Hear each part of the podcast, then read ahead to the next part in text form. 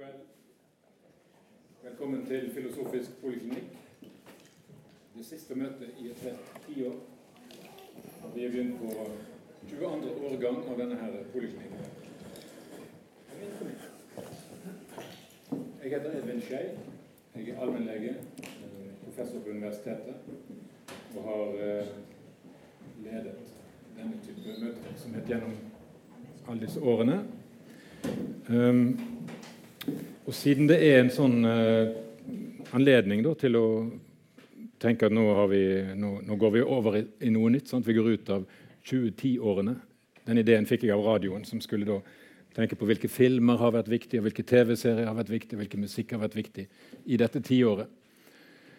Uh, hva har vært viktig i filosofisk poliklinikk? Vi har jo hatt uh, en sånn cirka 80 møter i løpet av disse årene her. Um, og tønnen med temaer som er interessante å tenke over i det landskapet som doktorer og helsepersonell og mennesker med en viss mulighet for å bli syk, det landskapet som vi ferdes i, er veldig stort og rikt. Og selv om vi har hatt 170 møter, så kommer vi ikke til å gå tom. Um, denne poliklinikken ble laget i sin tid for å eh, bøte på legeutdanningen sin store mangel på interesse for akkurat sånne ting som krever ettertanke, um, relasjoner, dialog, um, en klokskap, trygghet i møte med usikkerhet, uh, en evne til å håndtere det at livet ikke er forutsigelig. Alle de tingene der må leger drive ekstremt mye med. Og Da er det litt greit at vi også i utdannelsestiden trener våre unge fremtidige kolleger til å venne seg til at det er sånn, og så hente frem de ressursene som gjør at det ikke er så veldig vanskelig å håndtere det heller. Um, I kveld så er jo da det siste møtet i en serie som har gått gjennom hele dette året, her, og som handler om å leve i dødens lys. Å leve i dødens lys er en gammel formulering som jeg mistenker at det er munker og prester og folk i den, i den kristne tradisjonen, men sikkert også i mange andre eh, religiøse tradisjoner som har, som har, valgt å se det slik. Sant? Døden gjerne assosieres med det mørke og det triste og det forferdelige, og det er det jo. Eh, men nettopp derfor så kaster det et lys på hva som gir glede og mm, gir oss kanskje noen føringer og kan være et slags kompass når vi skal gjøre våre valg. Og leve og altså, tenke over, men ikke minst leve ut noen valg eh, som handler om hva som skal være viktig for oss. Um, jeg skal ikke tvære så veldig mye ut på det, for vi har jo fått en ekspert hit som uh, skal hjelpe oss med å tenke inn i alle disse her tingene.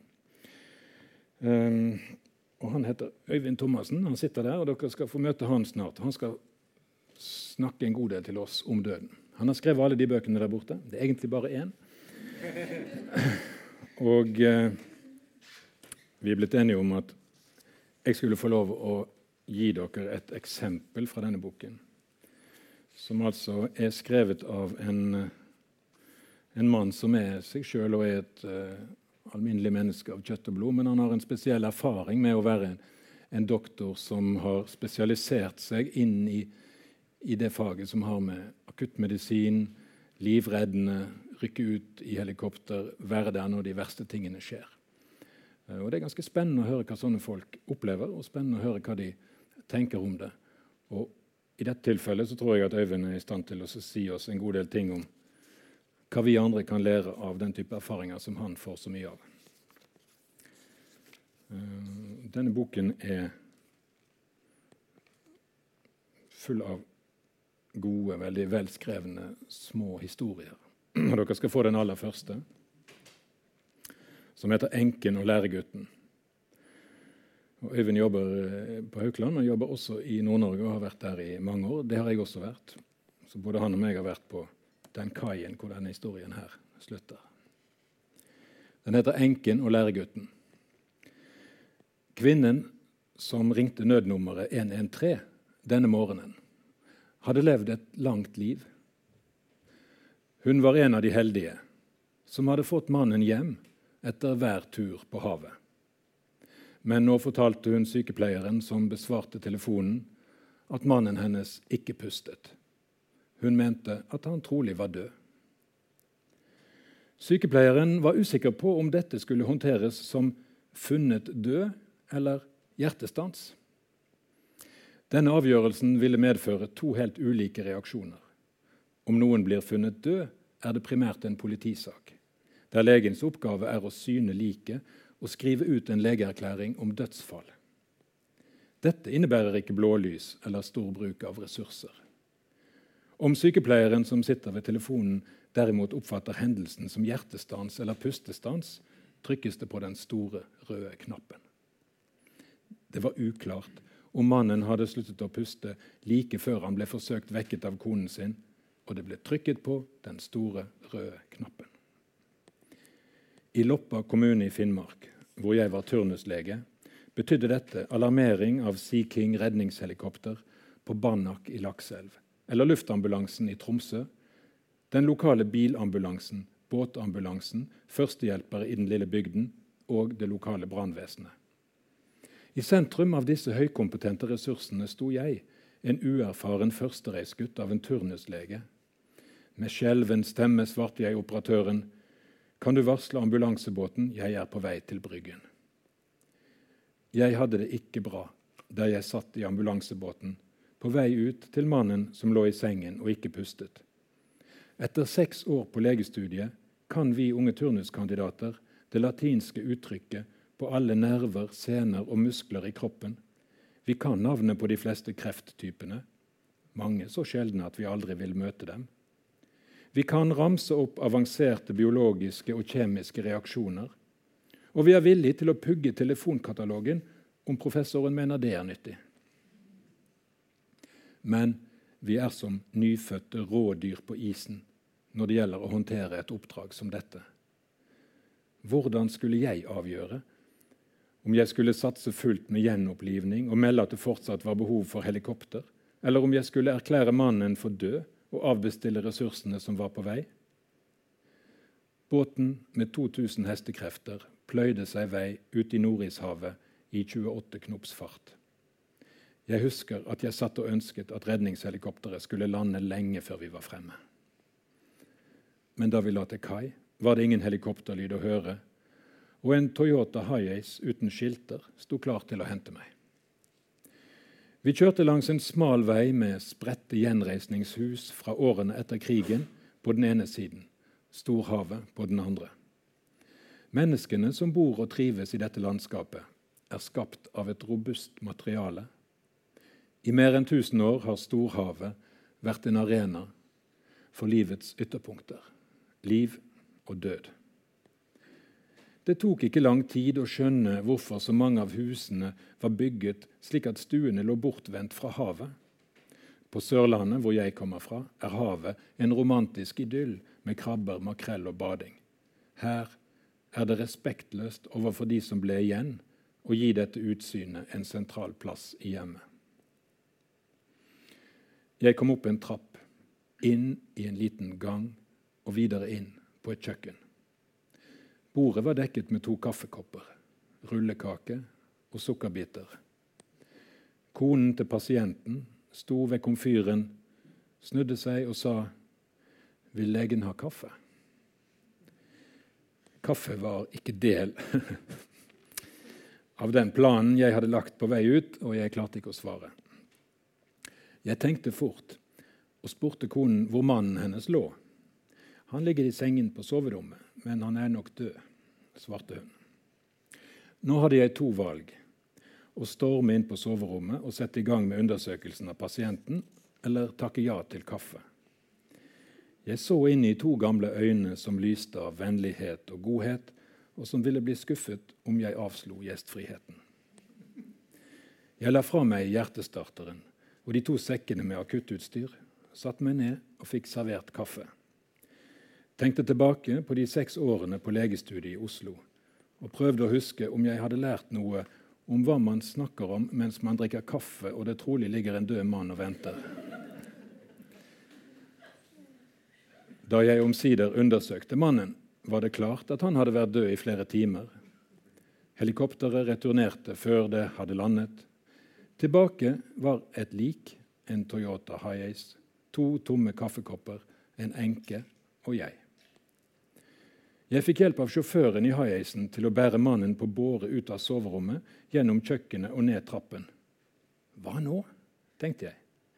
Jeg tok opp telefonen for å ringe noen om råd, men ble avbrutt av at sjåføren åpnet bakdøren på bilen, flyttet noe verktøy og ville løfte båren inn. Taus av usikkerhet løftet jeg også. Mannen kløyv inn gjennom bakdøren og la båren litt på tvers. Han satte seg i førersetet, enken satte seg i passasjersetet og ventet på meg. Jeg satte meg i baksetet og var lettet. Det var ikke blitt sagt mange ord, men jeg hadde lært hvordan et, hvordan et lik kan transporteres der begravelsesbyråene ikke når ut. Humøret mitt var betydelig lettere på vei tilbake i ambulansebåten. Enken var trist, men mest lettet og glad på sin manns vegne. Hun var takknemlig for at han hadde levd et langt liv, og at han fikk dø hjemme mett av dage. Han ville sikkert likt å kjøre ambulansebåt på sin siste reis. Vi ankom fastlandet. Men den lokale ambulansen nektet å transportere liket fra kaien og opp til kjølerommet på eldresenteret. De hadde angivelig retningslinjer som forhindret dette.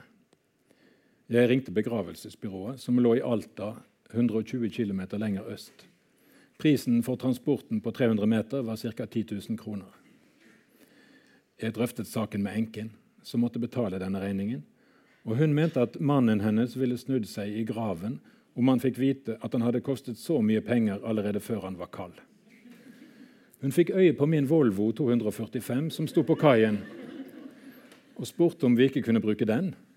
Hadde jeg lært noe om transport av lik i personbiler? Jeg lot ønsket fra enken overstyre eventuelle forbud mot dette. Jeg rygget bilen ut på bryggen, flyttet passasjersetet så langt bakover som mulig, satte liket i setet strammet sikkerhetsbeltet ekstra godt og kjørte sakte opp til kjølen med enken i baksetet. De siste timene hadde bydd på en lærdom som ikke er mulig å tilegne seg foran et kateter på universitetet. Jeg hadde begynt å fylle opp den delen av min erfaringssekk som har med håndtering av død å gjøre, og hadde for første gang opplevd hvor mye jeg kunne lære av de pårørende i møte med døden Senere skulle jeg lære mer. Øyvind Thomassen, nå kan du overta.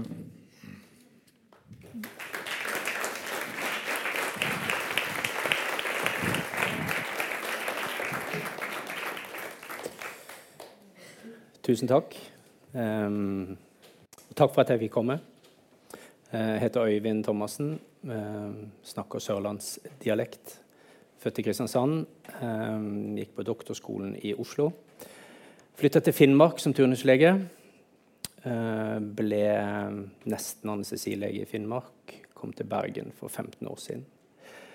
Um, Jobba stort sett prehospitalt uh, de siste 15 årene. Uh, prehospitalt. prehospitalt betyr at jeg har jobbet utenfor sykehus. Altså jobba med bilambulanse og luftambulanse og redningstjenesten. Eh, døden i dag er noe som er sånn lagt i et eller annet sånn skygge, skyggefullt rom av noe slag.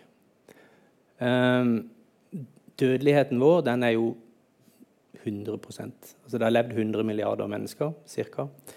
Eh, alle er døde. Så prognosen for diagnosen livet, eh, den er null, altså. Beklager. Og jeg tenker at det å oppleve død det å håndtere død, det er som regel ikke noe vi ønsker. Døden er ofte brutal. Eh, døden er rå. Eh, av og til kan vi dø mett av dager, og døden kan være ønsket. Men død er ikke noe vi forbinder med noe lett. Og jeg tenker at De vanskeligste tingene i livet eh, må vi snakke mest om. De vanskeligste tankene må vi ha trening i å sette ord på. Eh, og sånn er det jo ikke. Eh, jeg opplever ikke at døden er tabu, men jeg opplever at håndtering av død og tenke at man er forgjengelig, eh, det snakker vi altfor lite om. Um, min bestemor hun kom til meg, og jeg var akkurat så gammel at jeg hadde begynt å huske. sånn ordentlig. Jeg husker det veldig godt. Kanskje jeg var åtte år. eller noe sånt. Så kom hun til meg og sa Øyvind, da var hun litt over 90. Um, når jeg dør, kan du love meg én ting? Og jeg husker jeg var sånn Ja, nå, dette er alvorlig. Uh, kan du sjekke at du er helt sikker på at jeg er død før jeg blir begravd? Så jeg lovte selvfølgelig bestemor det. Og jeg ante at det var et eller annet hos bestemor som uh, var, altså Hvorfor valgte hun å gå til barnebarnet sitt og snakke om dette? Hun hadde selvfølgelig tenkt masse på det. Dette er Rosa. Uh, Rosa er død. Uh, Rosa hun døde på sykehus, ble tatt hjem og ligger hjemme død. Og Hvis jeg ser på henne, det er søstera og venninna som står ved sida. Hvis jeg ser på søsteras ansikt helt oppe til venstre og prøver å lese ansiktsuttrykket til venninna. Eh, når jeg ser det, så tenker jeg at det er noe sånn nysgjerrighet. Eh, hva er egentlig døden? Er Rosa død? Hvor, altså, hva, hva, er dette her? Eh, det er ikke frykt. Det er en sånn type ny, nysgjerrighet. Og du kan være helt sikker på at disse to jentene de er utrolig trygge på at når Rosa er begravd, så er Rosa De har et forhold til døden. De har pirket Rosa på øynene. Tenkt hun reagerer ikke. Det er kjent på huden. Kald. Eh, de vil aldri tenke at Rosa er på ferie, eller hun er vekk, eller noe har skjedd med henne. eller bare borte. Um, og jeg tror det var sånn noe av disse tankene som min bestemor hadde. Og det som jeg tror bestemor tenkte på, det er sånn Hva er døden egentlig? Og så er det sånn for at døden har en anatomisk struktur. Er det sånn at livet sitter en plass? Jeg er overbevist om at fra jegerne begynte å skyte dyr for kjempelenge siden, så har de vomma ut dyrene og så har de sett alt som er på innsiden. Og så har i hvert fall noen av de tenkt på hm, hva, hva, er disse her organene til? Og så har de tenkt ja, hvor sitter, hvor sitter på en måte jeg? Hvor er Øyvind i en sånn type kropp? Eh, og det er, jo, det er, jo, det stedet som må vekk for at det skal være ikke mer. Eh, og man mener at, at livet Man har trodd at livet har sittet litt forskjellige steder i kroppen. Eh, noen tenker, og de kan sikkert tolke ut ifra jeg vet ikke hva, hulemalerier eller et eller annet. At de har trodd at livet har sittet i nyrene for kjempelenge siden. Nyrene er et nydelig organ. Hvis du skjærer opp en nyre, så er det sånne fantastiske, fine sånn bøyler. Um, noen har tenkt å sitte i lungen, et veldig stort organ, livgivende med pust. Eh, men for ganske lenge siden så trodde man jo et hjerte Der satt livet. Og det, det, preger vår litteratur, det preger vår kunst, det preger hvordan vi snakker den dag i dag. Altså Hjertet er noe mer enn en blodpumpe. Og så ble jo livets anatomiske struktur flyttet opp i hodet. Eh, og det er ikke himla lenge siden. Sånn på 50-tallet hadde man store kongresser hvor man skulle definere død. Altså, hva, hva, når kan man si at du er død? Du var ikke død der, men du er død nå. Eh, og selv en dag i dag følger med i transplantasjonsdebatten med ulike definisjoner eh, av, av død i Norge.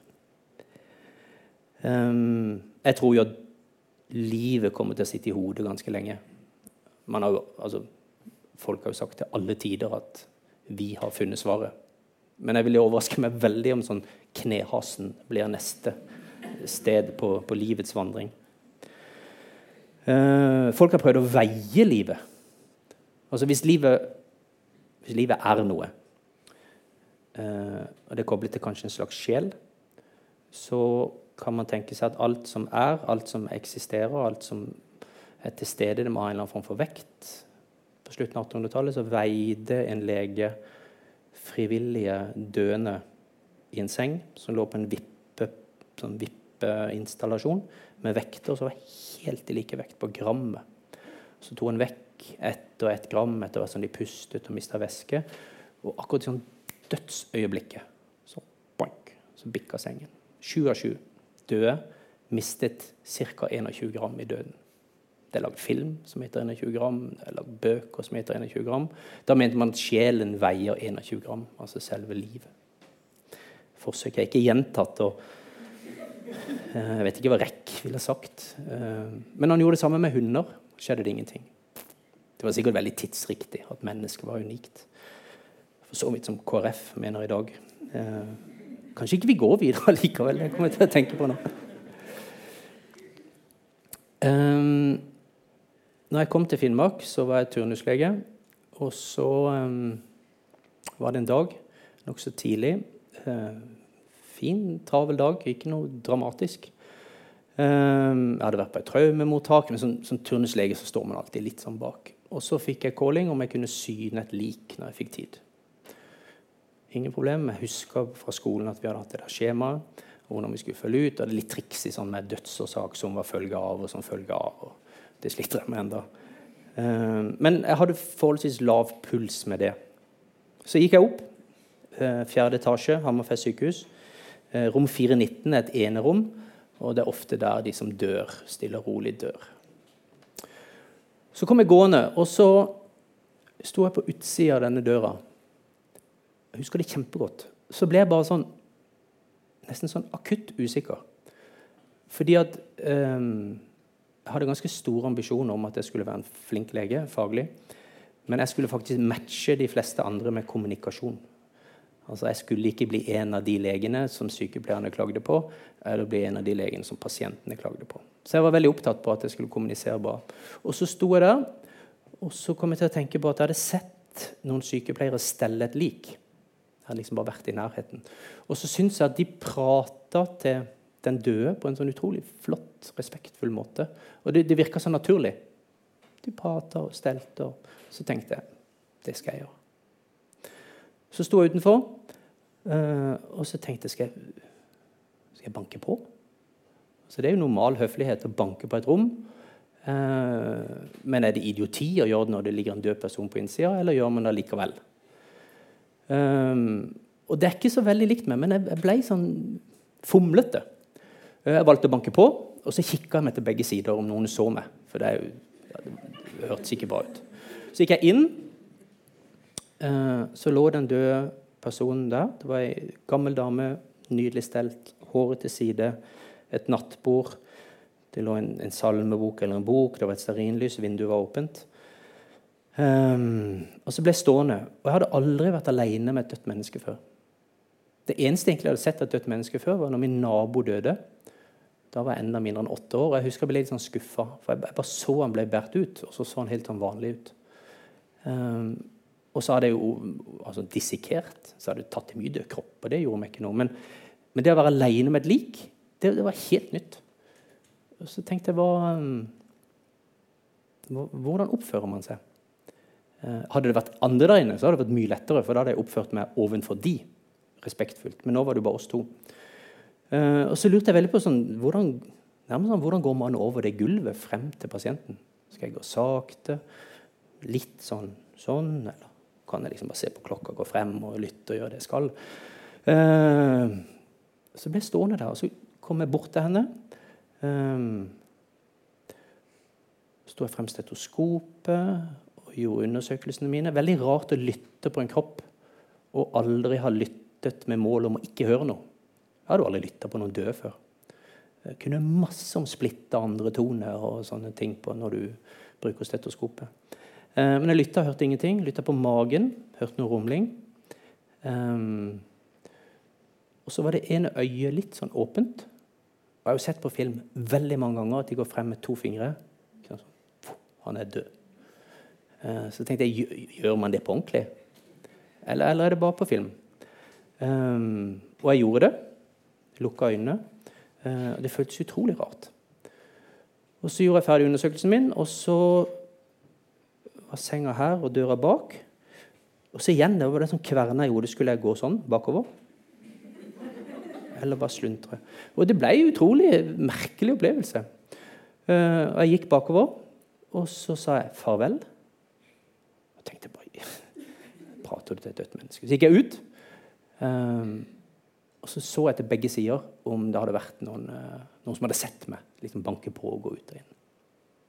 Og overskriften med hele mitt første møte med et dødt menneske var jo at jeg hadde ikke peiling på hvordan jeg skulle oppføre meg. Ingen hadde fortalt meg hvordan man De hadde fortalt meg det tekniske, hvordan jeg skal undersøke om noen er død. Men jeg ante ikke hva som er, hvordan skal jeg få en god opplevelse av verdighet sammen med et dødt menneske. Jeg hadde ikke idé. Og når jeg er på jobb, så har jeg noen sånn metodiske knagger, kan man kanskje kalle det. Det ene er det faglige. ABC. Først må de puste eller ha fri luft, og så må de puste, og så må de ha sirkulasjon. Eh, og vi har ulike sånn knagger vi henger ting på. En av mine knagger den heter 419. Og Grunnen til det er at jeg jobber nesten alltid i team. Det er utrolig, Selv om vi flyr luftambulansen, så er det veldig sjelden vi er alene på noe sted. Det er nesten alltid pårørende, venner eller publikum, eh, familie, ambulansepersonell, kommunehelsetjenesten, frivillige redningsorganisasjoner. Det er nesten alltid noen rundt. Når jeg står med et dødt menneske, så kommer det sånn 419. Og det tror jeg, jeg, tror jeg kan si 100 av gangene så, så, er det en knagg jeg får. Og den sier meg at i den ringen rundt deg nå, Øyvind, så er det noen som er akkurat som deg på rom 419. Altså, de aner ikke hvordan de skal oppføre seg. Og det har lært meg mye, for det jeg gjør når noen er død, så tar jeg alltid hånda mi over skuldra. Eh, og så sier jeg 'Vil du komme nærmere?' Og bare det å si at altså et, et, lik som er nylig dødd, smitter ikke. Jeg tar av meg hendene når jeg tar med hanskene. Og litt som å vise at jeg vil eksponere min hud mot din døde ektemann. Eh, for det er ikke farlig.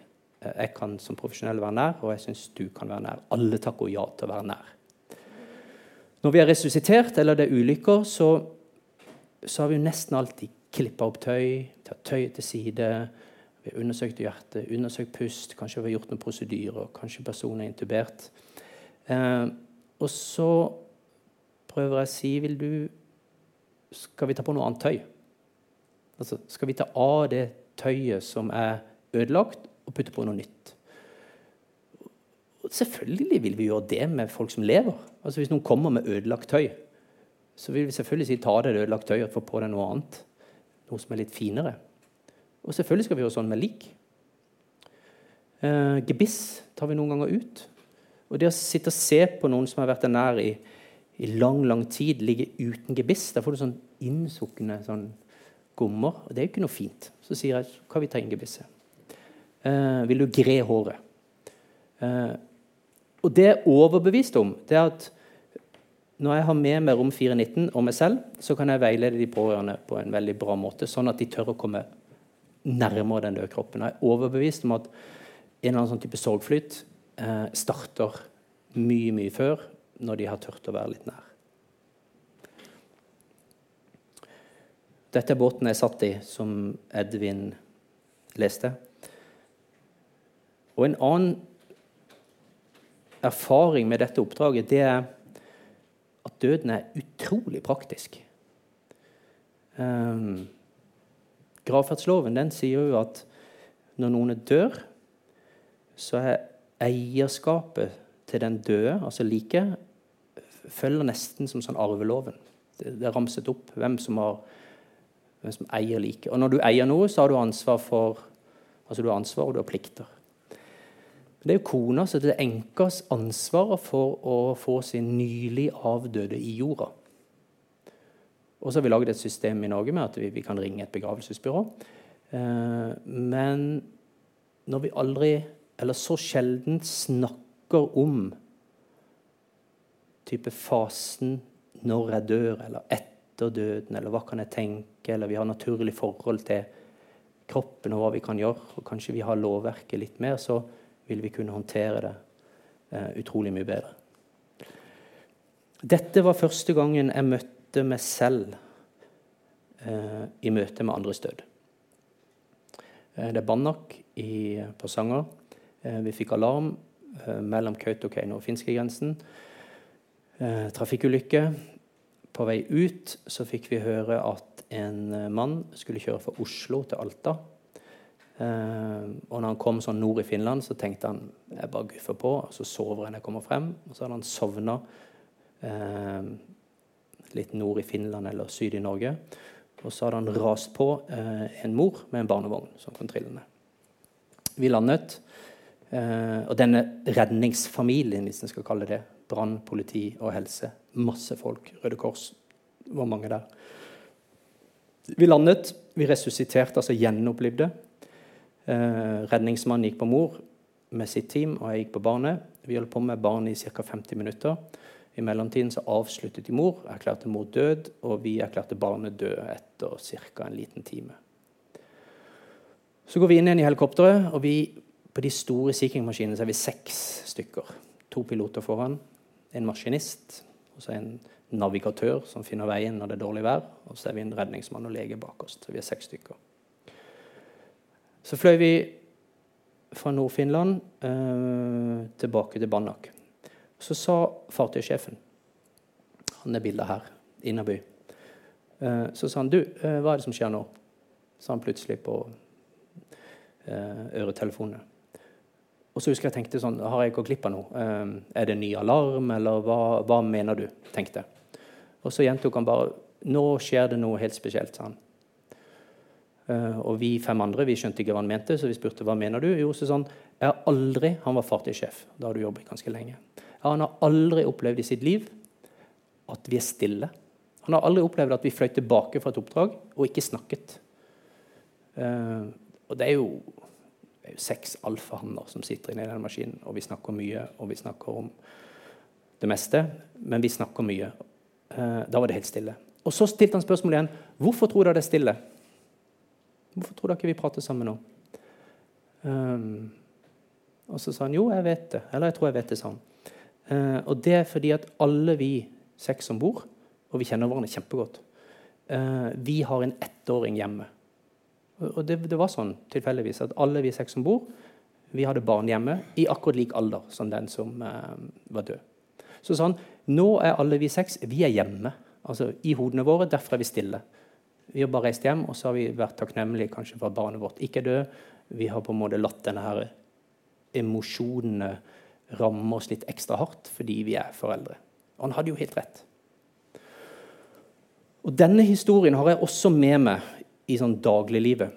Eh, fordi at hvordan vi rokkes eh, når vi møter noe, det er en sånn, en sånn skredteori på at du én kan stå ned en fin fjellside, og så står nummer to fint ned, og så står nummer tre, og så går raset. En sånn minefeltteori. Om at du har spenning, og plutselig så går det noe. Og det er sånn jeg tror at det funker for oss.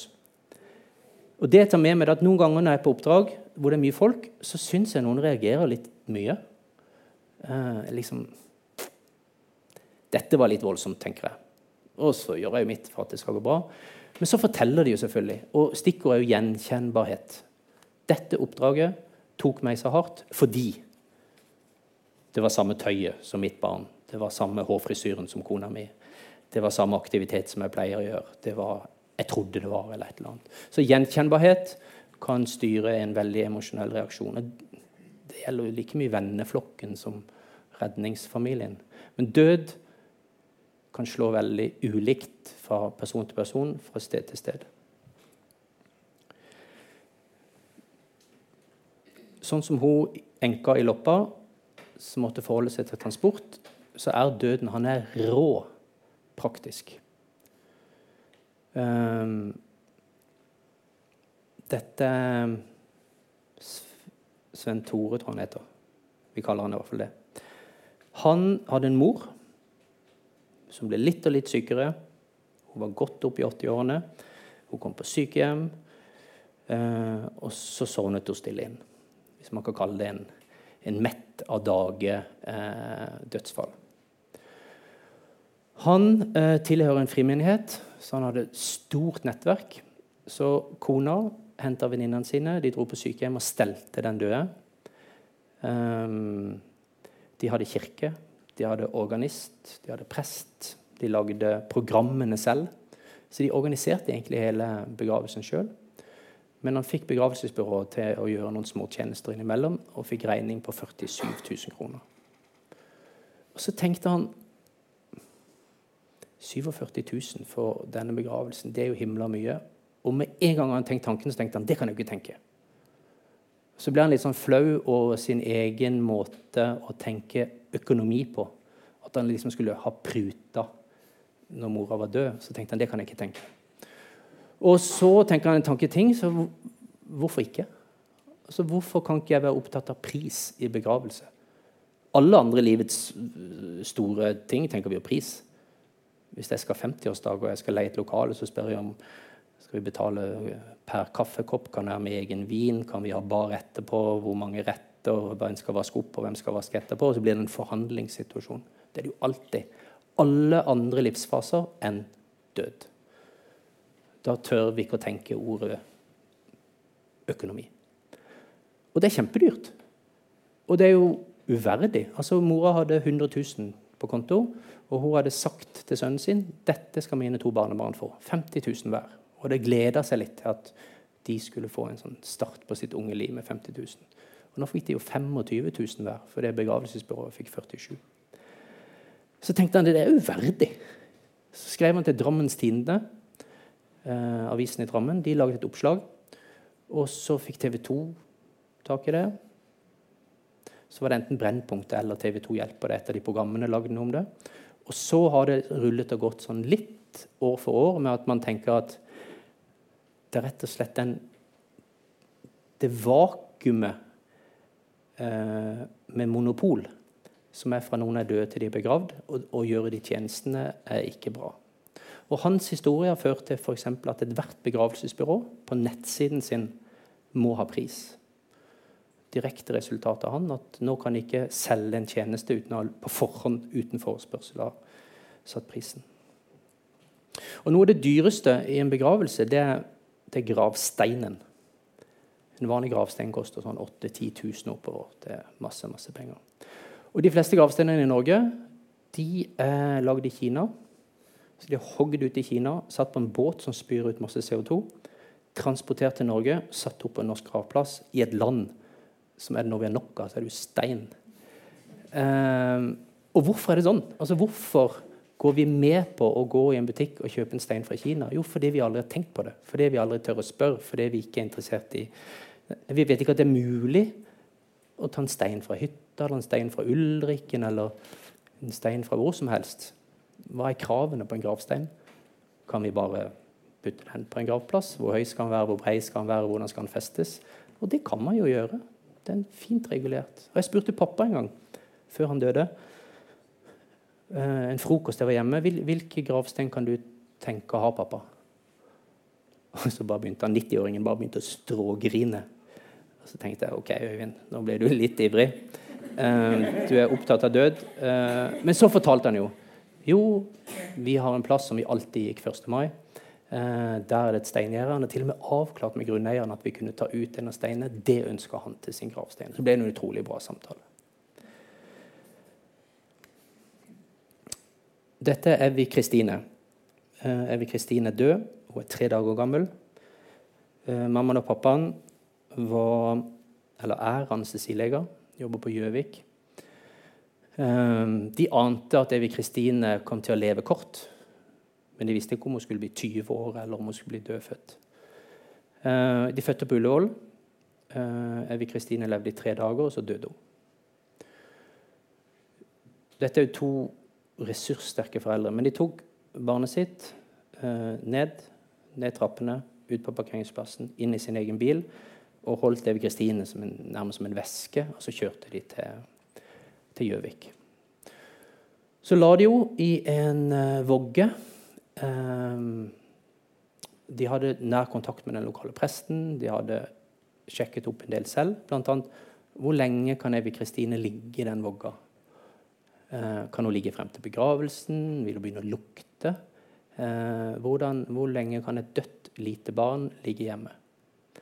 Dette var sånn rundt påsketider. Var kjølig ute. De åpna døra litt, og så kunne de nesten eller de kunne regne seg ut til at dette går veldig fint. Evy Kristine hadde søsken. Når hun ble lagt ned i den vuga, så løp søsknene inn. De løp ut til vennene sine. De var så små og sa 'Hei, jeg har fått en søster. Hun er død. Men kom og se.' Um, for barn har jo ikke lært fordommer. Altså, Du må først lære å dømme, og så må du jo dømme noen på forhånd. Og, og det er barn utrolig dårlig til. Og så fortalte mor at i løpet av kanskje en dag eller noe sånt, så fra å være et sånn stille nabolag Alle visste jo at Evy Kristine var død, og at hun lå hjemme. Fra å være helt stille så ble det på en måte sånn nytt, ny lyd av dører som slår, fotball som sparkes i hagen, teiping av plastring av sår etter fotballskader. Altså, I den fasen selv, før hun var i grava, så tok de liksom livet litt tilbake. Foreldrene er overbevist om at det at de to eierskap til hennes døde kropp, Eh, var hele inngangen til at denne familien kom seg raskt videre. De to Evy Kristine fikk en liten kiste, la henne i kista, på med lokket. Far og de andre barna de skrudde ned skruene i lokket til dattera si og søstera si. Eh, tok kista ut i bilen, kjørte, firte kista ned med tau og hadde en begravelse. Eh, og kom hjem, så var på en måte sorgen en helt annen plass enn om de hadde sett kista for første gang i i, i kirka, mente de, og jeg er overbevist om det. Dette er pappaen min. Uh, se på det blikket der. Uh, pappa han var politi. Var med å bygge opp Kripos. Jobba i Scotland Yard. Uh, jeg tror ikke han var så flink i matte, men han var ufattelig taktisk i hodet sitt. Um, og det der smilet der altså Han var en veldig konservativ kristen. Jeg fikk ikke lov til å spille kort hjemme, f.eks. Tross det så var han ufattelig leken. Han var tatt ut til OL 1952 i høydehopp, så han var virkelig kroppslig. Og og pappa vi har slåss masse, vi har leka masse, vi har konkurrert og vi har bada. Og pappa sin anatomi, pappa sin kropp, liksom, Jeg kjente han. Han hadde hatt tuberkulose som ungdom. Jeg hadde kjent på det der arret 18 ganger. De hadde meisla ut noe av hofta hans. Når han var i 20-årene, så brakk han nakken i Danmark. Så sykla han til ferga. Båten til Norge ble lagt inn i strekk. det var hull i kraniet hans, for de hadde hengt han opp. Jeg hadde jo ligget som unge hadde jo kjent på disse hullene mange mange ganger. Så pappa for meg var veldig mye kropp. På julaften for to år siden så holdt pappa tale med det blikket. 28 barn og barnebarn og og barn rundt bordet. Og så Senere på kvelden så snubla han i en stol. Fikk stolende inn i siden. Fikk utrolig vondt. Uh, lå han første juledag. Andre juledag så tenkte vi at vi må få det på sykehuset for å få tatt røntgen. Um, vi tok røntgen, det var helt greit, men han lå på sykehuset for han hadde fått litt smertestillende. På morgenen andre juledag så gikk min bror visitt på sin far. Og når visitten var ferdig, de sto i døra, så sa pappa 'Jeg tror jeg dør'. Og så snudde hele visitten seg, min bror, og så sa pappa 'kødda'. Ja. Fire timer etterpå så var pappa død. Og Da sovna han helt stille og rolig inn, uavhengig av at han hadde tryna. Men det var liksom Der sovnet han. Og vi fikk beskjed. Vi sto alle, nesten 28, inn på et stort rom. Og så døde pappa. Og så tenkte jeg bare umiddelbart jeg kan ikke bare gå. Altså, Jeg må kjenne på de hullene i hodet. Jeg, må, jeg, jeg hadde bare en ufattelig behov for å være nær pappa. Eh, han hadde sånn sleik. Der er han ca. 90. Så han stupte, så gikk alltid det håret sånn bakover. Eh, så jeg tok kam, og så greide jeg pappa. Eh, og så sa jeg til mamma eh, Pappa er glad i skjorter, så han ville ha en, mamma syntes han burde ha en skjorte. Så ringte en venn som dro til byen og kjøpte skjorte og kom opp igjen på sykehuset. Snakka med sykepleieren og min søster var med. Og det var bare så utrolig deilig å på en måte gå derfra etter en liten time og ha stelt pappa. Det var liksom den siste hudkontakten. Det hadde jeg jo aldri gjort hadde jeg ikke visst at én, det er mammaen som bestemmer. Eh, to, det er slikt man gjør. Eh, tre, det er veldig bra å være nær pappaen sin når han er død. Det var masse ting jeg visste, så jeg kunne gå til sykepleieren og si at du, jeg har veldig lyst til å stelle pappa, kan det hjelpe meg? Det tror jeg gjør bra med mennesker å vite sånne ting.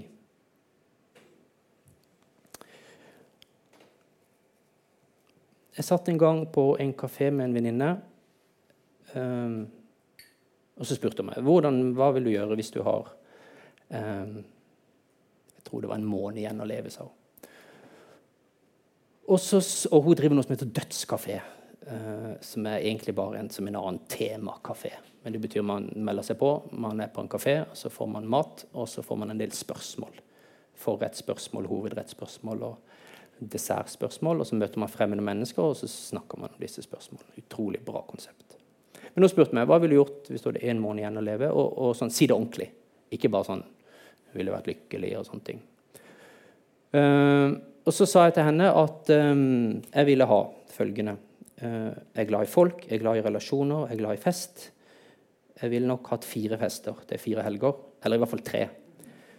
Og så, um, så ville jeg brukt masse penger på mat. Jeg tror kanskje jeg ville leid en kokk i en måned. Uh, og så ville jeg drukket veldig dyr og god øl og vin og brennevin. Jeg ville bare kose meg med folk. Og egentlig ville jeg ikke gjort så mye mer, tror jeg. Og så sa hun hvis du hadde et år igjen å leve Og jeg har kondis, altså, men 52 fester hadde jeg ikke klart. Så jeg måtte ha gjort andre ting. Men jeg ville i hvert fall slutta å jobbe. Jeg ville gått til Haukeland og sagt sorry, Mac. Eh, jeg har gått min siste vakt, og nå skal jeg gjøre andre ting som er viktigere. Uh, jeg ville nok ha reist. Jeg ville ha lest mer. Jeg ville vært mer selektiv på hva jeg leser. Og det hun egentlig spør om, det er jo sånn Hva er det mest verdifulle livet ditt, Øyvind? Og så økte det til fem år. Og kom det inn noen nye momenter. Og så sa hun plutselig ja, men hva hvis du skulle leve i 40 år til. da? Hva ville du da gjort? Uh, og da skjønte jeg jo hva som var poenget hennes.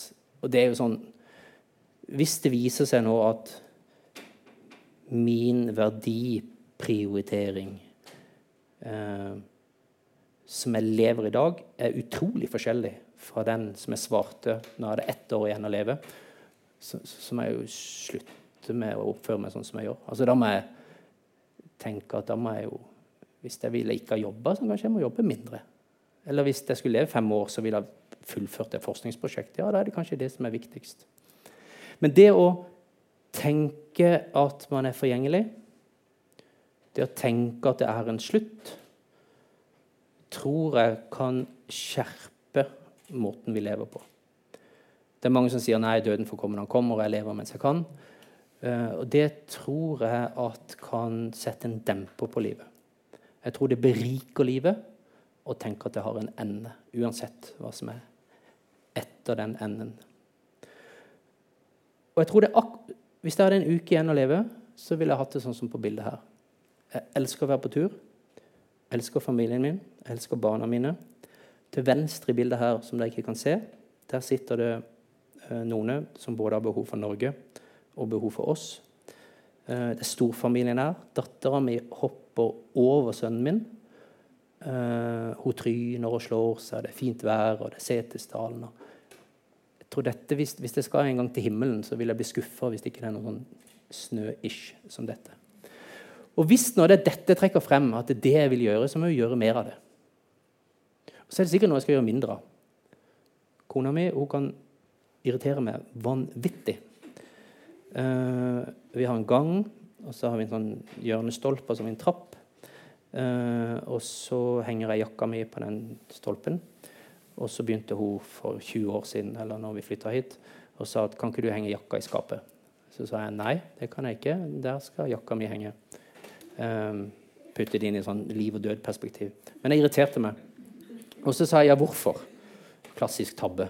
Så sa hun jo, det, ble, det er så langt å gå rundt. på en måte. Jeg bare tenkte what? Uh, så hun hang alle veskene sine der. Uh, så irriterte meg litt over det der. Og så er jeg veldig glad i å kompostere. Som varmkompost.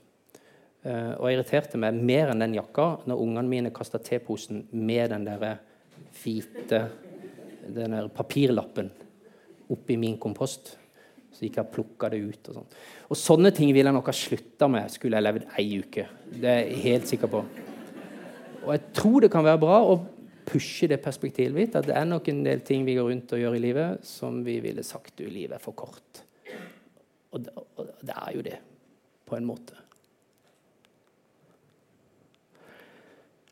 Um, helt siden opplevelsen på Rom 419 og i Loppa så har jeg tenkt på uh, at vi må bli flinkere både som leger, som helsepersonell. Vi må bli flinkere kollegaer i hele redningskjeden. Eh, og vi må bli flinkere som mennesker til å snakke om død, verbalisere tankene våre. Eh, og jeg begynte å samle historier. Det ble til en bok. Og så tenkte jeg, når jeg begynte å skrive, så tenkte jeg dette blir en liten sånn mørkevandring.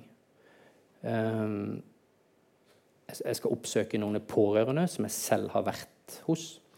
Um, noen av historiene så måtte jeg oppsøke noen som kjente noen. og måtte snakke med dem. Jeg trodde det skulle bli en, en, en, en trist greie som jeg måtte stålsette meg men på en måte jeg brant så for dette. Uh, og det, ble, det, var helt feil. Uh, det, var det, var, det, var en, festreise i livet. Um, og det hender når jeg er på vakt så jeg har hatt en helt forferdelig vakt. Hvor jeg har møtt mennesker i kanskje den, den dagen i livet hvor, hvor, avgrunnen bare åpna seg. Hva er det nærmeste. Um, man kan tolerere én, men noen vakter så har vi sånn to-tre etter hverandre. Så kan det være at ikke det funker, det kan være vi krangler litt, det kan være at ikke det går så bra. Jeg sykla hjem fra en sånn vakt en gang. Og så har jeg en regel om at når jeg kommer til Vet du hvor proffen er? Sånn gatekjøkken. Der er det en liten sånn eh, asfalteringskant. Når sykkelen min triller over den, så skal jeg gjøre sånn. Så skal Haukeland være bak, og så skal hjemme være foran. Jeg har øvd på det i 14 år, og det, det funker litt og litt bedre. Men det, det, det, funker ganske bra. Men da kom jeg gjennom Haukelandstunnelen. Eh, så stoppa jeg i lyskrysset foran uh, Haukeland for å sykle opp Nattlandsveien. Og så ble jeg stående og så kikka jeg på det røde lyset. Og så fikk jeg bare sånn Wow! Lyset funker sånn utrolig naiv, barnlig glede. Så tenkte jeg sinnssykt flinke ingeniører som har klart å konstruere dette krysset. Utrolig flinke elektrikere som har strukket alle disse slangene. De ligger jo nede i våt jord, og det funker. Og så er det attpåtil koordinert med rødt og grønt. Så jeg fikk bare sånn Da må ikke si det til noen, for det kan virke så utrolig barnslig. Uh, og så um, så sto vi jo der på rødt lys. Og så fikk jeg jo sånn Wow, eh, folk stopper jo. Altså, hva betyr det? Det betyr vi vil hverandre vel. Altså, Hvis ikke så er det jo kjempefarlig. Så at jeg stopper på rødt lys, betyr at jeg setter pris på alle de andre. For da skader vi ikke hverandre. Jeg fikk sånn en sånn kverning. Så jeg kom hjem. Jeg var jo nesten Jeg var ikke høy, men jeg var bare glad. Der er avisen. BT. Levert i dag òg. Ikke stjålet noen. Det bare ramla på. Og, og, det er jo et valg. Altså, det er jo ikke flaks at jeg fikk den tanken. Den tanken er jo lagd eh, Grunnmuren for å kunne tenke sånne tanker gjennom helt strategiske metoder opp igjennom. Eh, men det kan vi alle lage. Og vi kan også lage det i livet vårt, ikke bare når vi møter død på jobb. Jeg møtte en prest i Tromsø som bare Altså, jeg reiste til Tromsø. Jeg syns egentlig det er av stort problem med å fly, men jeg tok fly til Tromsø for å snakke med han. Eh, og så ble jeg bare helt betatt av han. En fantastisk person. Så jeg reiste hjem, og så ringte han etter en uke så sa jeg, du, jeg fikk ikke snakka helt ferdig med deg. Kan jeg komme opp igjen? Jeg var jo helt ferdig snakka. Eh, så fløy jeg opp til Tromsø en gang til, bare for å være der en gang til. Og han forteller en nydelig historie om tre brødre. Far var død for en stund siden. Mor dør. De er forknytt Eh, han får ikke ett ord ut av dem. Han tenker bare denne sorgen kommer bare til å tære der i stykker. Og Det han gjorde som prest, var jo at han skjønte jo at hvordan skal de håndtere dette? Det eneste de er vant til, det er å stå i båt. Det er å handle. Og når det kommer en storm, så er de liksom i sitt ess. Eh, og når noen dør, så kan de jo ingenting. De kan ikke ordene for det engang. Så satte han fire spader i, i, i, i haugen med jord. Så når mor ble senka ned, og de andre gikk, så sto jo brødrene igjen forknytt i konfirmasjonsdressen sin. Eh, så begynte han bare å spa. Så tok brødrene hver sin spade. De har jo ikke vært i begravelse før. Så spadde de mor ned, og da bare puff, løsna det. Endelig, når de fikk pulsen opp og ble slitne, så fikk de rom for sorg. Jeg har møtt Irene. Hun er blitt en god og nær venn. Mannen hennes døde i India. Og så tenkte jeg på hva, hva vet vi om død i utlandet? Hvis noen av våre plutselig dør, enten på Kanariøyene eller en litt kjelkere plass, hvem, hvem, eier det da? Hvem eier dødsfallet? Hvem skal håndtere det? Hvor er norsk politi? Hvor er norsk begravelse? Er, de fleste kan jo ingenting om det. Så jeg snakker med henne hvordan hun hadde opplevd at mannen sin døde i India plutselig etter ei ulykke.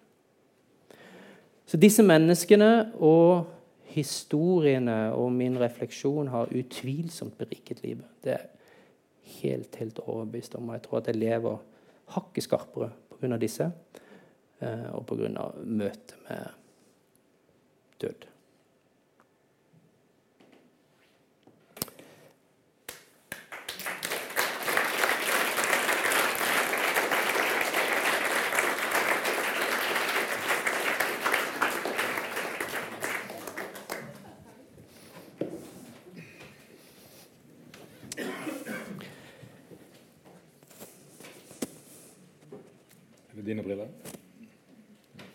Det er mitt første steg mot døden. Å begynne å bruke briller. Nei, det er det slett ikke. det begynte du jo med helt fra starten av. Du kunne også vært død når du var tre dager gammel. Um, jeg satt og tenkte på om, om jeg hadde noe uh, som det var åpenbart at jeg har lyst til å gå videre med akkurat nå. Um, jeg har veldig lyst til å høre hva folk her oppe tenker. Jeg har lyst til at eh, jeg skal gjøre en liten greie med dere, tror jeg. Uh, dere skal få snakke litt sammen og tenke. Men uh, jeg tenker for min egen del, som en kollega av deg, som en, som en doktor som har valgt medisin hvor det iallfall ikke er så åpenbart sikkert at du treffer på det forferdelige hele tiden. Jeg har jobbet legevakt hele mitt liv siden jeg var sjetteårsstudent her i Bergen, så jeg har vært borti en del ting. Men, men jeg er også en, en allmennlege som eh, for det meste kan håpe at eh, hverdagen min vil være fredelig for, med lite død. Eh, og når jeg da er privat uh, menneske som kjører bil langs norske veier, hvor det er jo en viss fare for å ramle opp i sånne ting, så gruer jeg meg for sikkerhets skyld litt til at det skulle skje, og at jeg måtte være der og være doktor i en sånn situasjon. Hvor jeg selvfølgelig har Uansett hvor mange førstehjelpskurs jeg tar, så glemmer jeg jo fort hva det var, og, og rutiner og sånn. Og, sånn. Og, og, jeg er redd for de følelsene jeg, jeg da vil få. Uh, og sånn tror jeg, jeg tror jeg har det felles med mange. Men jeg er ikke sikker på om du har det sånn. Jeg tror ikke du har det sånn lenger. Sant? Og Det er delvis med at du er kompetent, men det som jeg lurer på, er hva er det som gjør at du kan velge å ha en hverdag hvor du skal fly inn i disse situasjonene hvor du, sier, hvor du nettopp sa det? Noen har nettopp helt brått, helt uventet, like uforberedt som om vi, nå, om vi skulle bli sprengt i stykker helt uventet her, så, så, har, så, har, grunnen åpnet seg under dem, og de står i det forferdelige. Og der er du. Og min tendens til medlidenhet og medynk og sånne ting, som ikke er spesielt edelt, men er jo en selvsentrert følelse, den er veldig sterk. Og jeg har ikke noe lyst til å ha det sånn. Jeg har ikke lyst til å komme i de situasjonene. Hvordan har du det med det? Når jeg var turnuslege i, i, Loppa, så fikk vi melding om trafikkulykke i denne Øksfjordtunnelen. En smal tunnel, et felt. Um, og jeg ble, ble, helt satt ut.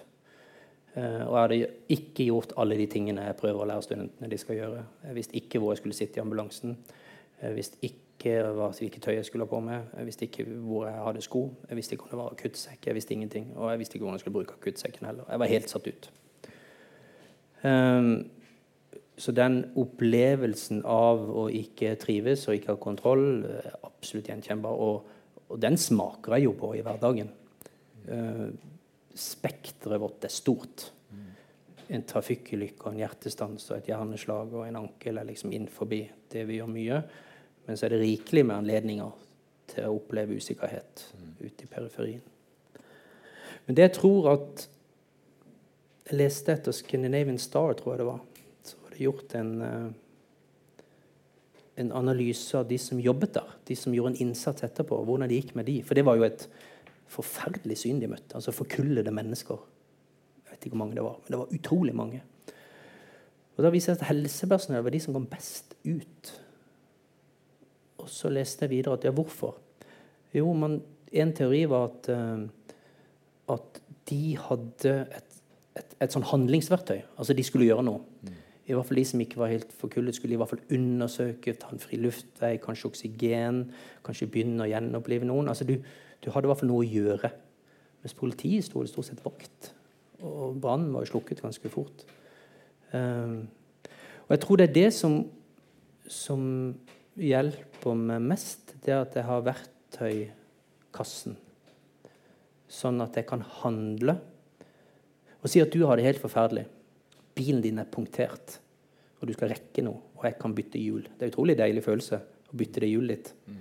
Um, det hadde ikke vært så god følelse å gå til henne og synes veldig synd på deg og trøstet deg for at du hadde punktert hjul.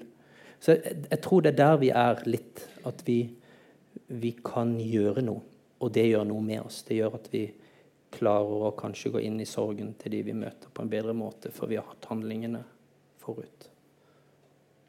Syns du ikke av og til så forferdelig synd på folk som står der ja, Noen barn, barna deres er døde, eller den type situasjoner hvor, hvor, du kommer veldig tett inn på folk som eh, har det så ille? Jo, jeg syns det er helt forferdelig. Uh, skal, skal, man gråte på jobb? Kan, kan jeg det? Syns du jeg kan det? Ja. ja. Uh, eller må jeg formidle at jeg er klippen? Helst. Det også. Og er det forenlig med gråting, f.eks.? Ja.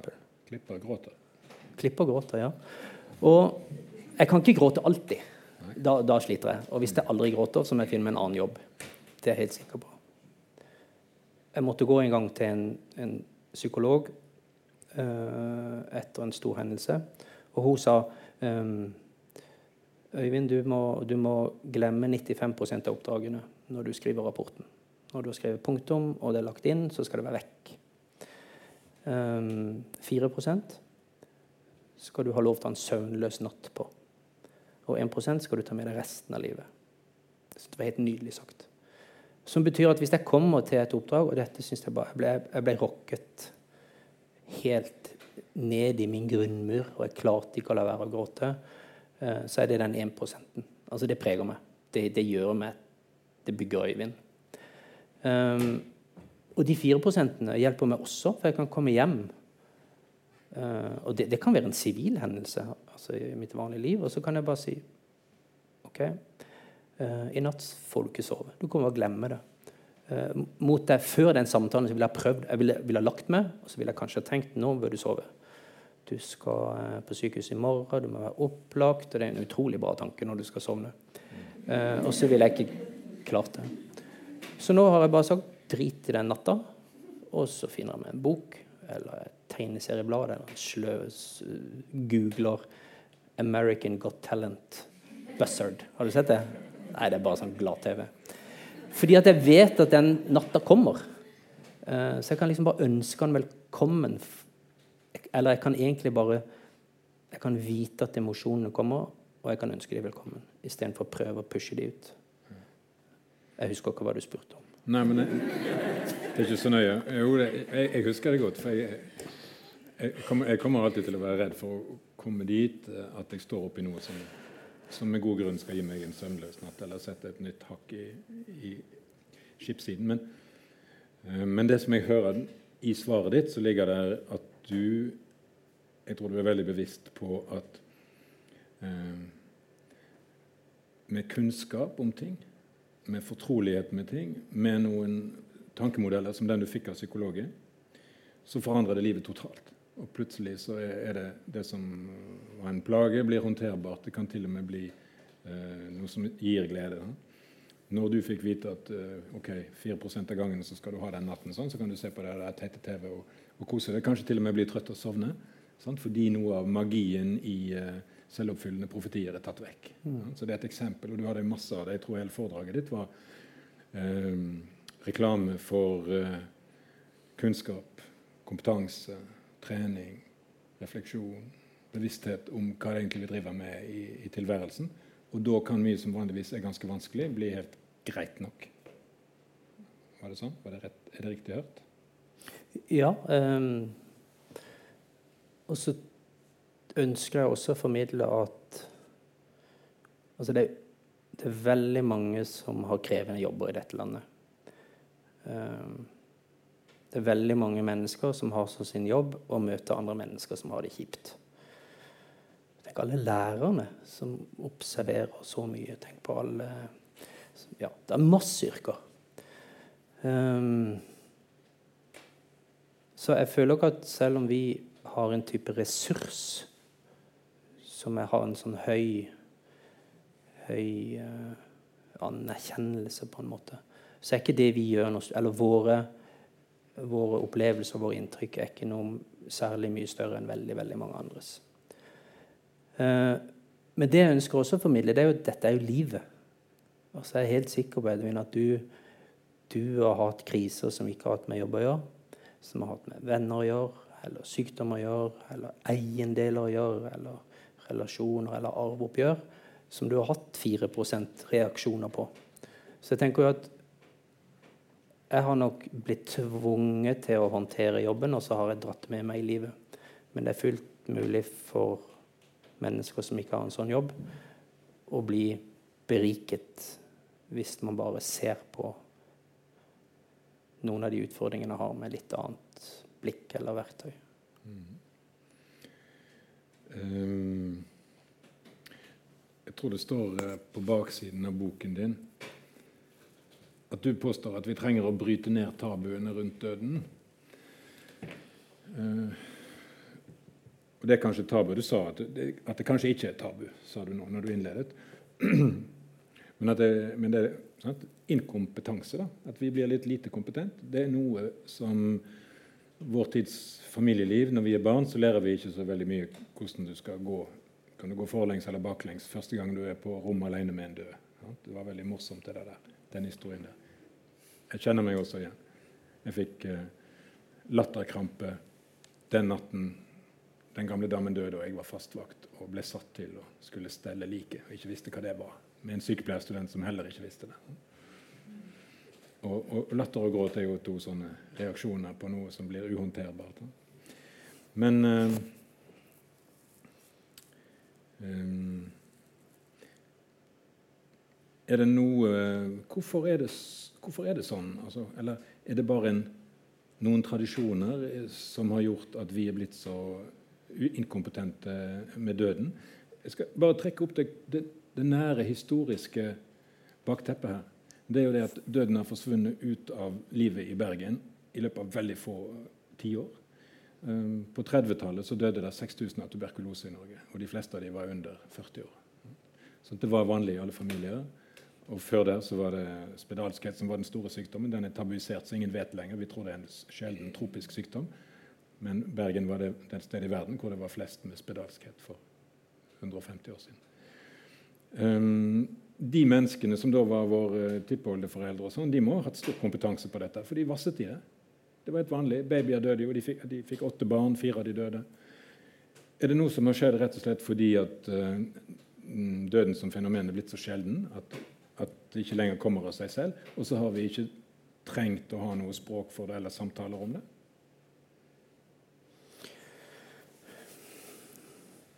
Jeg tror i hvert fall at kanskje prisen for uh, for den utrolige fremskrittet vi har hatt i medisinen, som har medført at vi, vi bør hospitalisere alt. Ehm, så er det veldig få som dør hjemme. Ehm, fordi at vi har muligheter for å Det er ikke så mange som, som er svake, som får lungebetennelse, som ikke får intravenøs antibiotika. Noe vi fikk rett etter krigen. Så jeg tror denne institusjonen vår, som heter helsevesenet, har ført til noen muligheter som gjør at vi har flyttet døden fra det offentlige rom eller private rom og inn i denne institusjonen vår. Så dermed har vi tatt de vekk. Eller det er blitt sånn. Som gjør at det er veldig få barn som, som, som ser død. Ja. Um, og noe man ikke ser, men bare hører om. Nå ligger bestemor og dør, og kanskje man går til og med hilser på etter hun er død. Men, men tenk alt det som skjedde når man lå på. Man var død, og så døde man. Og så lå man i kista hjemme, og så var det sikkert ulike typer måltider, og så var det gravøl. Altså, det er jo vekk. Mm. Det lever jo i mange av historiene du har delt med oss i kveld. Ja. Og så Jeg ønsker jo ikke at vi skal putte de døde kanskje tilbake, men vi skal vite at det er mulig. Eh, jeg snakker jo med mennesker som har hatt hjemmedød hos sine nærmeste, og er så uendelig takknemlige for at de valgte det. Og så når andre hører det, så blir det sånn Oi, er det, er det lov? Er det mulig? Er det verdig? Hva gjør man med smertestillende? Kan kommunen sende rundt sykepleiere som kan styre en smertepumpe? Mange praktiske ting. Det er det ene, at institusjonen, eller det er institusjonalisert, for vi har en institusjon. Det andre um, det tror jeg det er, noe, noen idealer. Altså det er noe sånn effektivitet, styrke, robusthet, kropp, verbalitet, akademisering, kanskje. Altså det, er noen, det er noen idealer i samfunnet vårt. Og død Det er ikke skittent, men det er liksom ikke Det er ikke der. Det er ikke høyere, raskere, bedre, mer effektivt. Døden er noe, noe sånn gammelt, noe ikke ønsket, noe skrukkete, noe noe vi ikke har ord på. Og kanskje det er i større grad i dag enn for 100 år siden. Kanskje samfunnet var mer At idealene i samfunnet var mer nærmere det de kunne akseptere en død person. Ja, og, og kanskje fordi de fikk det trygt i trynet. Kanskje de ønsket det like lite som oss og hadde samme behov for å ønsketenke og, og innbille seg at når jeg nå planlegger å kjøre herfra til Oslo, så kommer ikke noe til å gå galt. Når jeg nå bygger et nytt hus, så kommer jeg til å leve i de 15 årene som statistikken gir meg. Eh, men, men at vi da eh, blir sjeldnere minnet på det. Og det, ja, det er institusjonen, men det er jo også selve den eh, velferdssamfunnet og, og håndteringen av infeksjonssykdommer kanskje aller mest. Ja. Og så kan man jo spørre seg er er det så dumt. Um, Etter å ha hørt på deg, så tenker jeg det er kjempedumt. Hører på han, så tenker jeg steike meg å vite masse om døden og ha på måte, smakt på den og, og ledd og grått og, og vært tett innpå folk som håndterer sin død på, på måter som du kan lære noe av. Det har jo ikke akkurat gjort deg noe skade. Det vil ikke gjøre noe skade for oss andre heller. Nei, men jeg tror at mange tenker det. Jeg tror mange tenker at det at vi har tatt bort eh, det som omgir døden, har vi kjøpt oss fri fra. Begravelsesbyråene. Ja, begravelsesbyråene. Det er bra. Og så vil jo jeg slå et slag for at eh, nei, det har fjernet oss fra noe som har med oss sjøl å gjøre, som har noe med livet å gjøre. Min bestefar eh, døde i armene mine når jeg var 22 år. Uh, det var fint, for da hadde han vært litt dement i seks måneder og tisset i sofaen og, og halvflirt av det. Det gjorde meg grusomt vondt, for han var et stort forbilde. Så han døde heldigvis. Eh, og det var fint. Og min mor og hennes søster er begge sykepleiere, og min mormor. Så de tre damene stelte like. Eh, så fikk vi tak i en kiste, og så hadde vi traktor. og så kjørte vi han der han trengtes, og så laget vi fest og begravelse og sånne ting. Og jeg visste allerede den gangen at jeg satte enormt pris på det. Og jeg satte også veldig pris på at det regnet som en foss den dagen han døde. Alle gråt. um, så det, det der har jeg erfart at når du kan gjøre det, og du kan si, spaden eller traktoren eller mm. det kroppslige der, det er enormt eh, befriende. Så min erfaring har støtter veldig det du sier der, med at uh, begravelsesbyråregimet kommer nok inn og stjeler fra folk en god del muligheter for å hente frem noe godt i situasjoner som ellers er tunge nok. Når vi gravla pappa for to år siden, så jeg har ikke vært i mange begravelser, men kanskje 10-15 i mitt 50 år gamle liv. Jeg har nesten bare sett sånn, sånne maskiner som senker kirka, nei, som sendte kista over hullet. Du legger den på sånn plate, og så trykker du med knapp. En forferdelig knirkelyd ned, og så stopper de kista like under. Jeg vet ikke om du har vært i sånne begravelser. Mm. Um, og så så jeg én begravelse inne i Jondal. Det er noen få år siden. Som de senket kista med tau. Altså tilbake i teknologien. Kunne kanskje forvente en sånn, sånn app for å få kista ned. Men man reverserer det og tenker at noen har tenkt, og noen har nok erfart at det er bra for meg å holde liksom pappas vekt i hånda og fire ned istedenfor å se på en elektrisk maskin. Og det tror jeg jo er tatt tilbake. Det er i hvert fall et teknologisk tilbakeskritt. Men jeg tror at vi, noen har funnet ut at det er bra for de pårørende å gjøre det. Og et, det å bruke tau gjør man mer og mer. Jeg tenker at Det er mange folk her som kan ha lyst til å stille noen spørsmål eller si et eller annet. Uh, får vi hjelp med mikrofonen av deg? Flott. Så, folkens. Er åpent for alle mulige refleksjoner og kommentarer og spørsmål. Og så skal vi gjøre den lille øvelsen med dere om en liten stund. Men jeg vil først høre de som uh, sitter med noe på hjertet. si to ord om dere sjøl, så vi vet liksom, hvor dette kommer fra. Rolf Eidem. Jeg har eh, mange år i redningstjenesten. Og, og, det er et meget spesielt tema du snakker om. Og det som, det som jeg tenker tilbake på, da, det var det manglende eh, snakk om dette når man fløy, Jeg fløy Sea King. Altså det å være 21-22 år og komme opp i sånne situasjoner Og aldri sett noen døde før det. Det var ganske tøft. Og det som var fraværende den gangen, det var jo, det kjenner du sikkert til, det var det man kanskje etter hvert har innført som debrief. Altså vi skulle være tøffe gutter. Etter hvert er det blitt jenter òg, heldigvis. Og skulle ikke snakke om det. Og jeg tenkte på det du sa da når dere fløy tilbake til Banak og det ikke ble sagt noe. Det har jeg opplevd mange ganger. Jeg var faktisk eh, pilot på den første Sea Kingen, som var på Alexander Kielland. Eh, og, og, det sitter. Men etter hvert som jeg eh, gjennom livet også fløy andre oppdrag, og vi hadde disse debrifene etterpå Vi snakket ut om det, ikke minst når vi kom til et skadested så stoppa vi og tok oss bedre tid enn før i. Så jeg vil si, det jeg husker, da, det er disse første oppdragene jeg var ung. Men så etter hvert eh, så ble dette mer eh, vanlig, heldigvis. Og jeg tenker det går over. Jeg tenker på de prosentene du sa på slutten. Fire og én.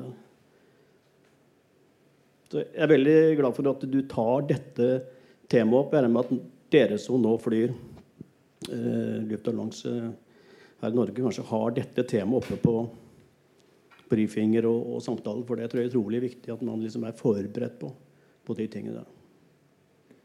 Så det var egentlig ikke noe spørsmål, bare en litt uh, kommentar. Takk for et fantastisk fint uh, foredrag. Ja, eh, Send den bak til Sara. Og mens den sendes, så Vent litt, Sara. Jeg har vært 15 år i redningstjenesten og har sett at ting er blitt til det bedre. Og det vi har tro på, det er jo fordi vi har lært det. Men det er at man, vi har en teknisk debrief først, som er kronologisk. Alarmfase, vi fløy ut, vi snakka om dette, vi planla sånn, og vi gjorde dette, og det gikk sånn. Og den skal gå i omgang i crewet. Og man er tvunget til å ta sin kronologiske bit. Og så etterpå så er det en ny runde, og det er hvordan opplevde vi dette. Og Hvis vi har flydd opp et fjell og henta en vrikket ankel, så tar vi fortsatt den kronologiske. Og hva gjorde dette med oss? Ingenting. Nei, så drikker vi kaffe eller går og trener eller gjør noe annet. Men det skal sies.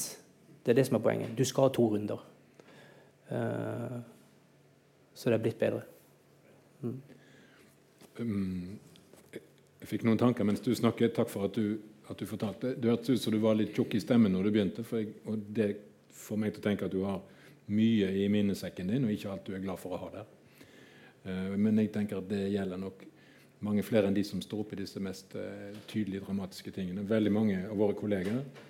Uh, og Jo eldre de er, jo flere vil jeg tro har vært gjennom altfor mye og ikke snakket med noen om det. Og hatt en dessverre illusjon om at uh, den gråten og den fortvilelsen som jeg nå kjenner i meg sjøl, den er et tegn på svakhet. Det er bare jeg som har det sånn. Alle de andre fikser dette greit. Og nå skal jeg bare sørge for at lokket skrus godt nok på. Da blir du ikke et veldig godt menneske. Du blir ikke en veldig god utgave av deg sjøl. For det der er ikke befordrende for, for, vekst og alt det du må putte på gjennom et liv for å kunne håndtere tilværelsen.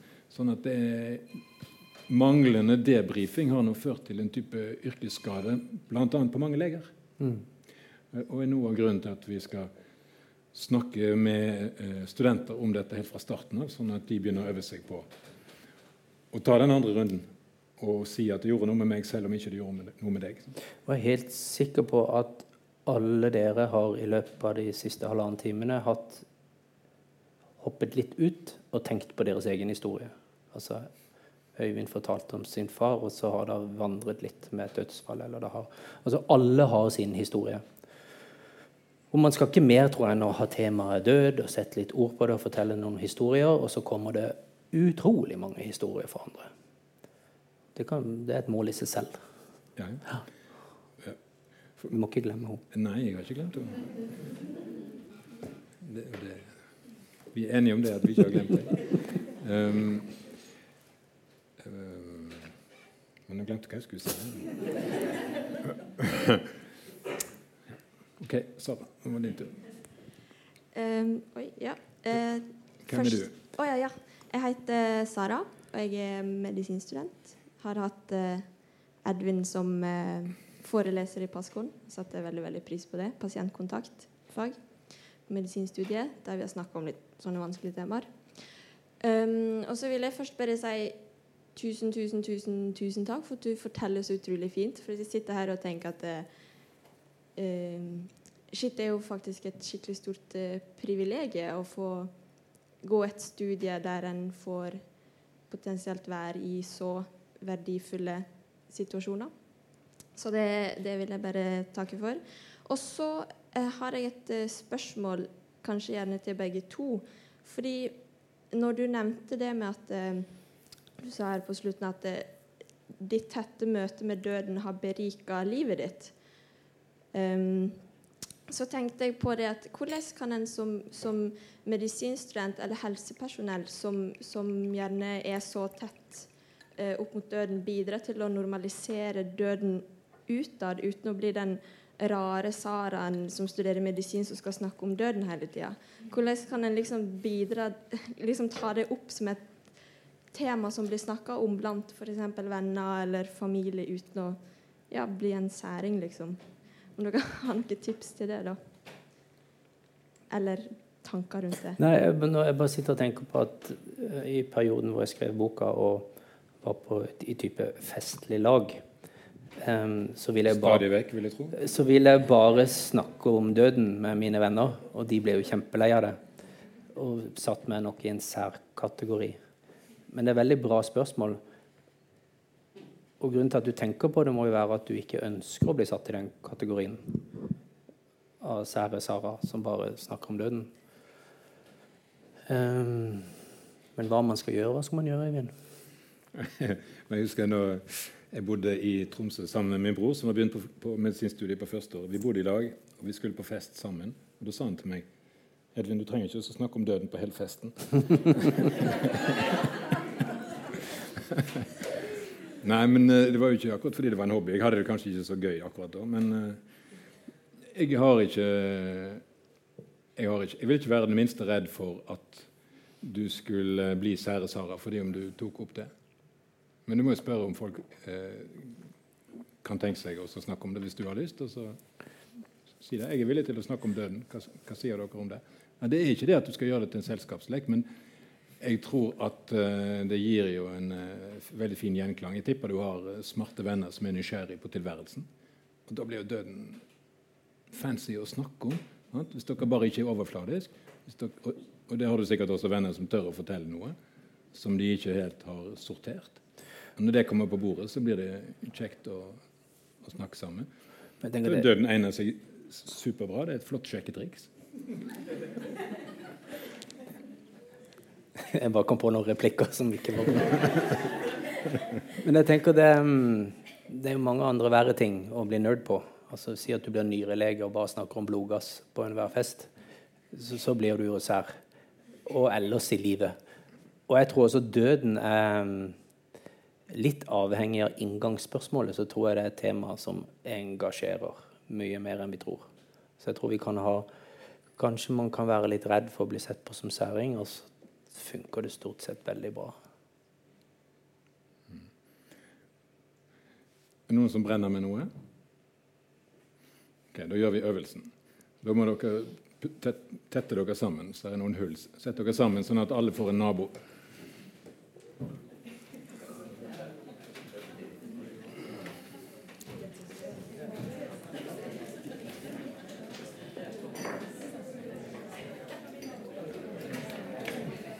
For nå, nå, har vi snakket litt om dette på forhånd. Og um, det er en enkel, en enkel liten øvelse som er at uh, du skal snakke med naboen din om hvordan du kan tenke deg å dø. Dere må bli enige om hvem dere er, helst par, da, for da kan jeg si det. Nå får dere tre minutter per deltaker, så person A begynner. og Etter tre minutter så lager jeg litt bråk, og så er det person B sin tur. Så organiser dere i par, til nød trioer, og finn ut hvem som er A og B. Og så er det go, og A sier 'Hvordan kan jeg tenke meg å dø?'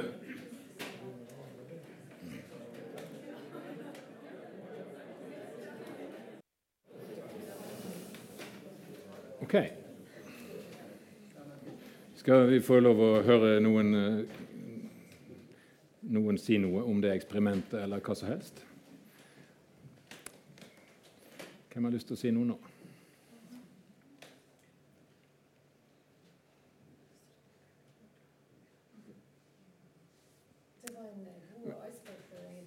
Om å få mikrofon. Det var en god icebreaker. Det kan jeg si det til Sara. Jeg tror de fleste hørte det, men det var, det var en god icebreaker. Så selv om du som følte det var, kunne være litt vanskelig, så var det egentlig en god eh, åpning på dialog. Ja. Var, var, det overraskende? Ja, det var overraskende. Ja. Kan jeg invitere deg til å si hva du syns? Ja, Bruk altså, mikrofonen. Ja, men dette var eh, Altså, det vi har snakket om nå, det, det var jo også spesielt. Sant? Det er ikke noe du sier til folk sånn uten videre. Og uh, hvordan du har lyst til å dø. Er dere fremmede for hverandre? Nei. Men dere har ikke snakket om dette? Han, er vi. Ja. han var med i gruppen. Ja. Men jeg har en liten uh, Hvis jeg kan ta opp noe, så du snakket om det med barn og, og døden så har jeg en, min, Da min svigermor døde, så var det en, en niese som var jeg tror hun var ca. ti år. Og Da hadde de bestemt at hun, barnet skulle ikke få se uh, sin, hun skulle ikke få se sin, uh, sin mormor. Og Da satt hun seg i et hjørne i stuen og gråt helt til hun fikk lov å se sin døde mormor. Det var veldig spesielt. Så Det viser egentlig ganske hvor viktig det er å, få, å la barn få lov å, å, å møte eller se den døde. Ja. Det var bare det jeg skulle si. Mm. Ja. Det, det, passer jo inn i noe av det som ja, til det spørs ja, Torbjørn heter jeg, eh, Hisberg, og jobber på legevakten eller skadepoliklinikken nå. da.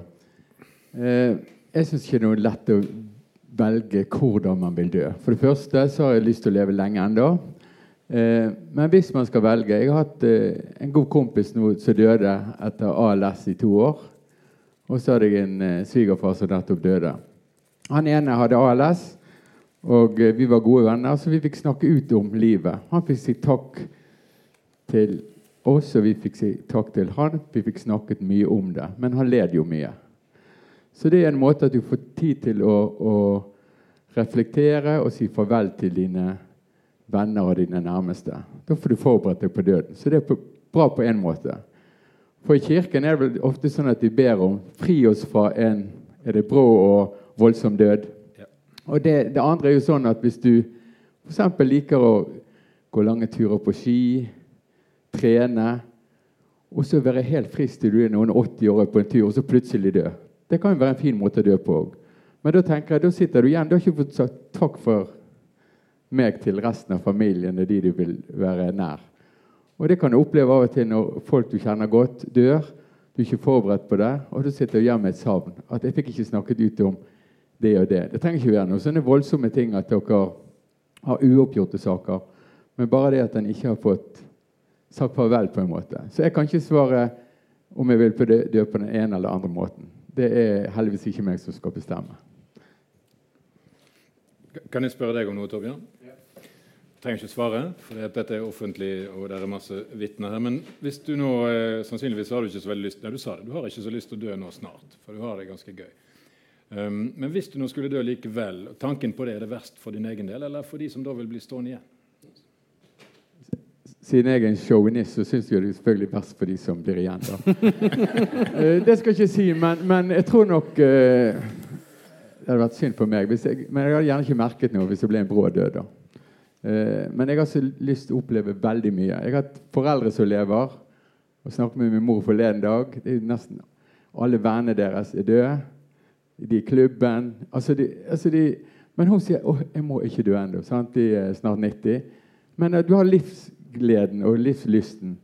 Og det, det tror vi må bare Hvis man har det bra, så ønsker jeg å leve lengst mulig. Der er det Øh, Knyt Alsbjerg. Jeg er pensjonert lege. Har vært øyelege på Sotra. Jeg mistet min far da jeg var 33 år øh, av et hjerteinfarkt. Jeg var på oppdrag i Sverige på, øh, som legevakt. Men øh, jeg husker at jeg hadde truffet min far en, en uke før. Jeg visste godt han var syk. Og jeg ga ham en ordentlig klem da jeg sa ha det til ham. Min bror var dessverre, som også er lege, var dessverre i konflikt med min far og fikk ikke sagt øh, farvel til ham før han, øh, før han var død. Han kom for sent til dødsleiet. Og det var en kjempekrise for ham. Når jeg nevner dette, så er det fordi at nesten i 20% av tilfellene er der dessverre noen stridigheter i familien. Og mitt beste råd det er når vi har gamle i familien, og når vi selv blir gamle, det er å prøve å få løst konfliktene. For det er forferdelig vondt å plutselig plutselig å, å, miste eller plutselig bli borte på denne måten. Mm. Har du noen kommentar til det, Øyvind? Uh, nei, men min far, han Kanskje fra han var 70, altså de siste 20 år, så har han hver gang vi har besøkt han, så har han på en måte tatt farvel med oss som om det skulle være siste gangen. Selv om han har vært utrolig både åndsfrisk og kroppsfrisk. Um, og jeg har jo tenkt sånn vil jeg jo gjøre det. Altså Det gjør ikke noe å ha en sånn type tale eller en hilsen. Han har alltid hilsen med frokostbordet, hvor han takket både Gud og for livet og for barna og for kona og for maten og alt. Og det er jo litt fint. Uh, så det var helt uproblematisk om ikke jeg hadde vært der når han døde, ut ifra sånn vi hadde liksom, vi hadde, Han hadde verbalisert at livet er forgjengelig så lang tid uten at han mentalt var døende eller hadde liksom orientert seg mot døden.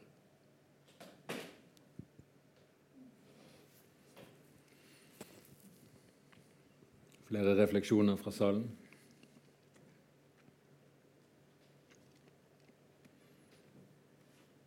Ja. Amandus? Der var jeg.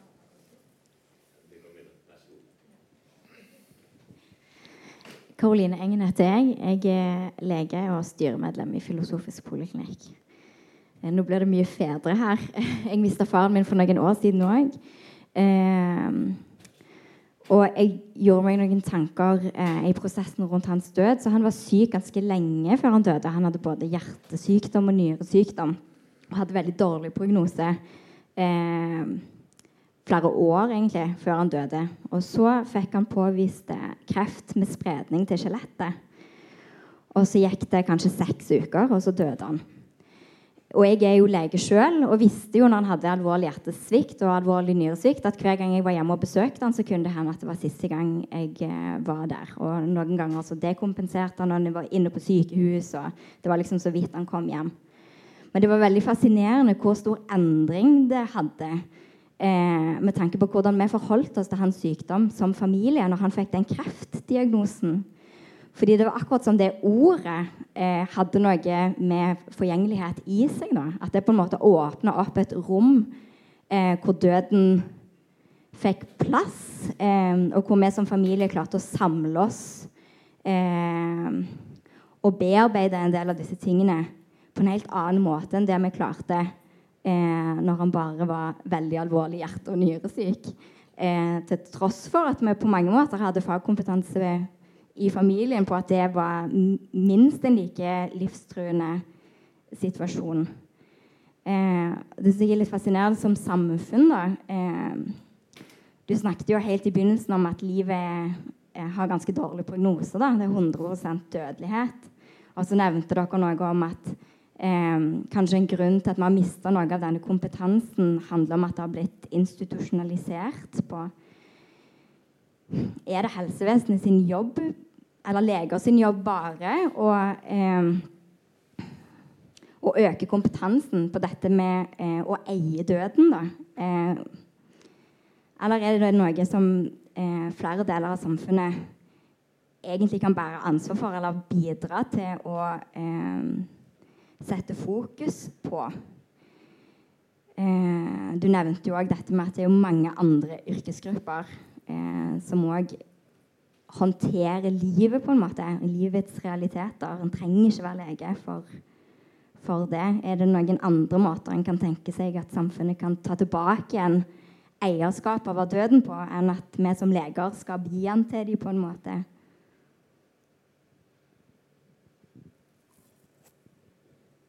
Er du som er hovedpersonen Nei, jeg bare syns at spørsmålet er så fint at det får meg sånn til å reflektere. Og, og, jeg har ikke noe svar som er sånn at ja eller nei, men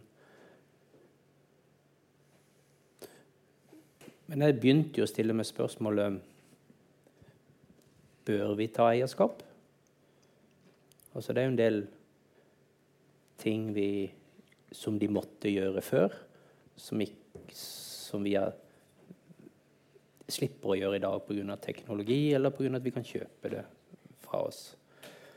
De færreste drenerer husene sine selv, og det er vel kanskje bare bra. at Det er, noen, det vi, det er en tjeneste vi kan kjøpe. Og så har jeg tenkt, har du sulla deg inn, Øyvind, i en romantisering av død, som kanskje er litt alvorlig, hvis det var det jeg holdt på med? Um, men når jeg snakker om å ta eierskap til død, så får jeg jo sånn veldig mye nikk og ja. Dette tror jeg er bra. Um, og jeg tror ikke det er så mange krefter som ikke vil det. Det er kanskje noen økonomiske motiver til noen. Um,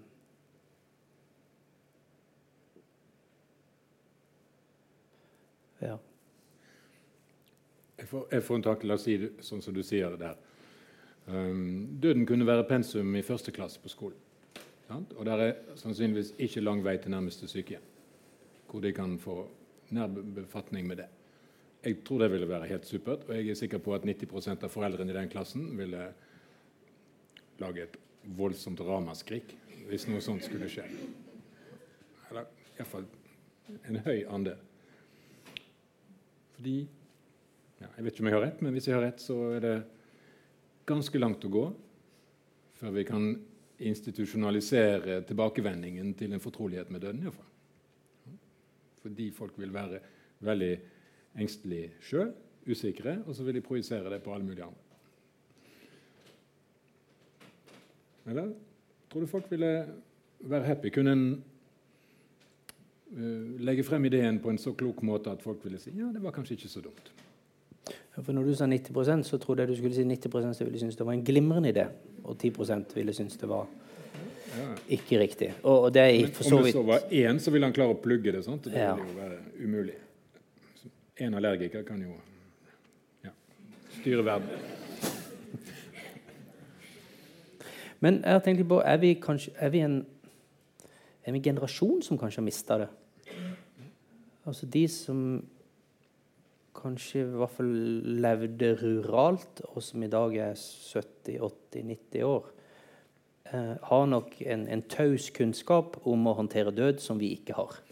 Damen på øyen. Damen på øyen.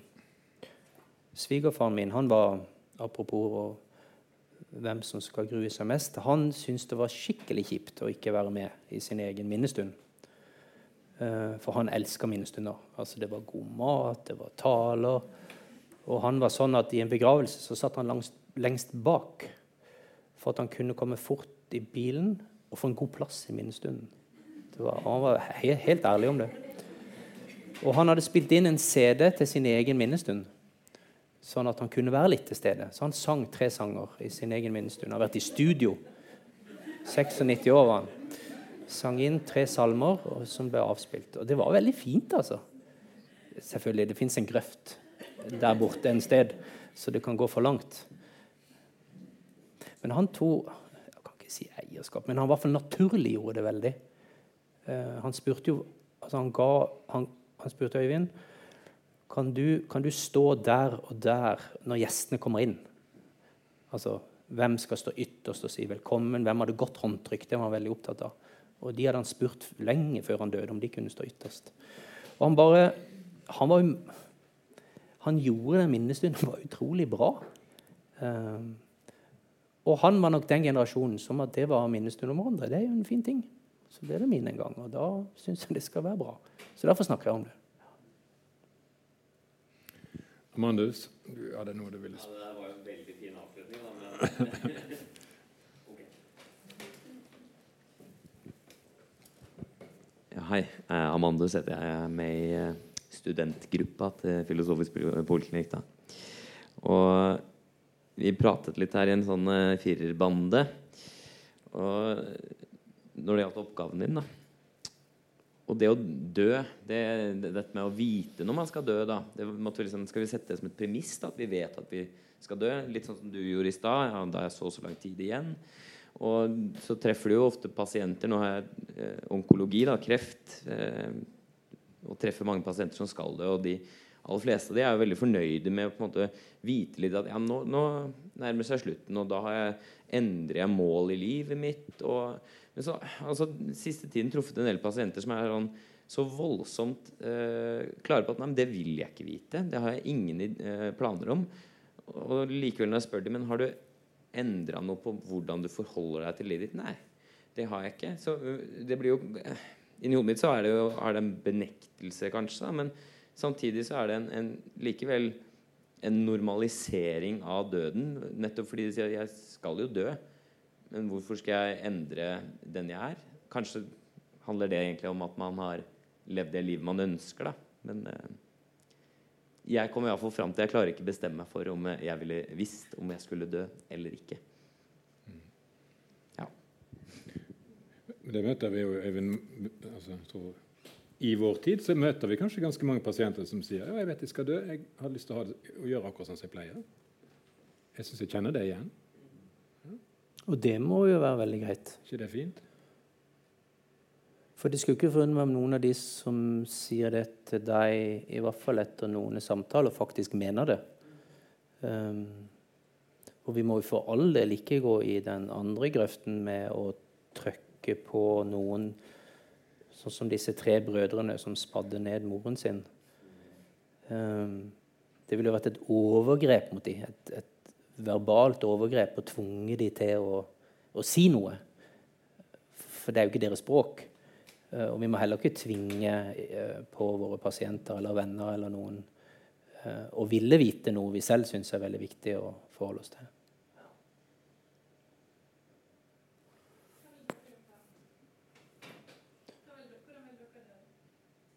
Vi? Hvordan ville vi dødd?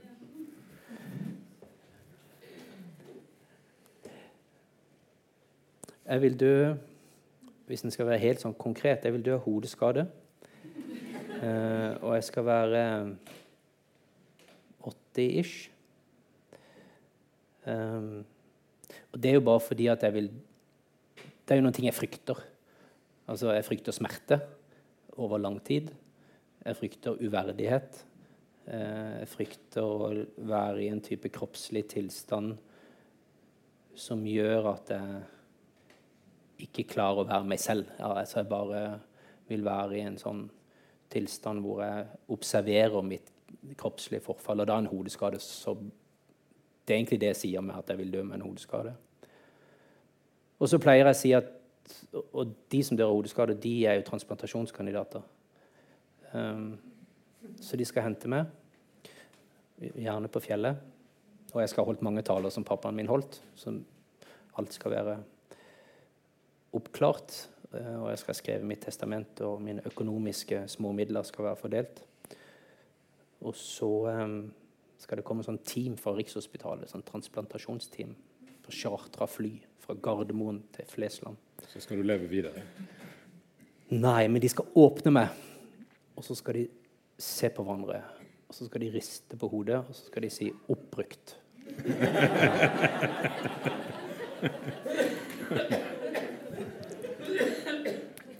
ok. Jeg skal røpe min plan av det. Eh, jeg har vært så heldig å vært eh, to eh, hele akademiske år i, i Nord-Amerika. Et år i USA og et år i, i Canada. Begge gangene så har jeg da kommet i kontakt blitt venn med veldig gamle kolleger som er ekstremt oppegående og jobber full tid. Jeg har en 90-åring i Montreal, som, eller to, et ektepar. De er, de er, til og med veldig berømte, men de er 90 år, og han har full lønn som professor, og han produserer mer enn de fleste og er en svær ressurs. Og han ville jo vært avskiltet i Norge for akkurat 20 år siden. Ja? Jeg er vel i en posisjon hvor jeg kan uh, drømme om å fortsette å leve og lære og utvikle meg og, og bidra, og, akkurat sånn som jeg gjør nå. Opp gjennom hele tiden. La oss si jeg får være frisk og bare bli gammel. Så tenker jeg, jeg tenker ganske mye mer på hvordan jeg skal eventuelt bli gammel. Og at jeg skal motstå av alle mine krefter de der hersens tidsinnstilte fordommene som vi stort sett har i kulturen, som gjør at gamle folk imploderer og begynner å si unnskyld for at de er fins, og begynner å spille golf og lese kryssord. Så så tenker jeg, nei, Min plan er å utgi min siste bok når jeg er 104 år. Uh, og så skal jeg da se til at ungene mine har det trygt og godt på sykehjemmet. Og, og, så skal jeg uh, dø langsomt med stearinlys ved siden av, og folk kan komme og gå, og jeg skal si noen siste kloke ord og så bare sovne stille inn. Det syns jeg er en veldig god plan. det. um, nå skal vi runde av dette her, for det ble bare tull. Men eh, det har jo vært eh, veldig kjekt og inspirerende å høre på deg. Du har sjansen til å komme med siste gullkorn før vi runder av. Takk. Jeg tror ikke jeg har noe siste gullkorn. Jeg må bare si takk for at jeg fikk komme. Uh, og det er, berik, det er, berikende å skrive og lese og møte pasienter. Så er det ekstremt berikende å sitte og se i øynene. Jeg kan høre at jeg tenker og reflekterer. Summen i stad var helt nydelig. Så jeg tror bare jeg vil si takk for at jeg kom. Og hvis noen vil kjøpe den boken der, så kan du signere og sånn.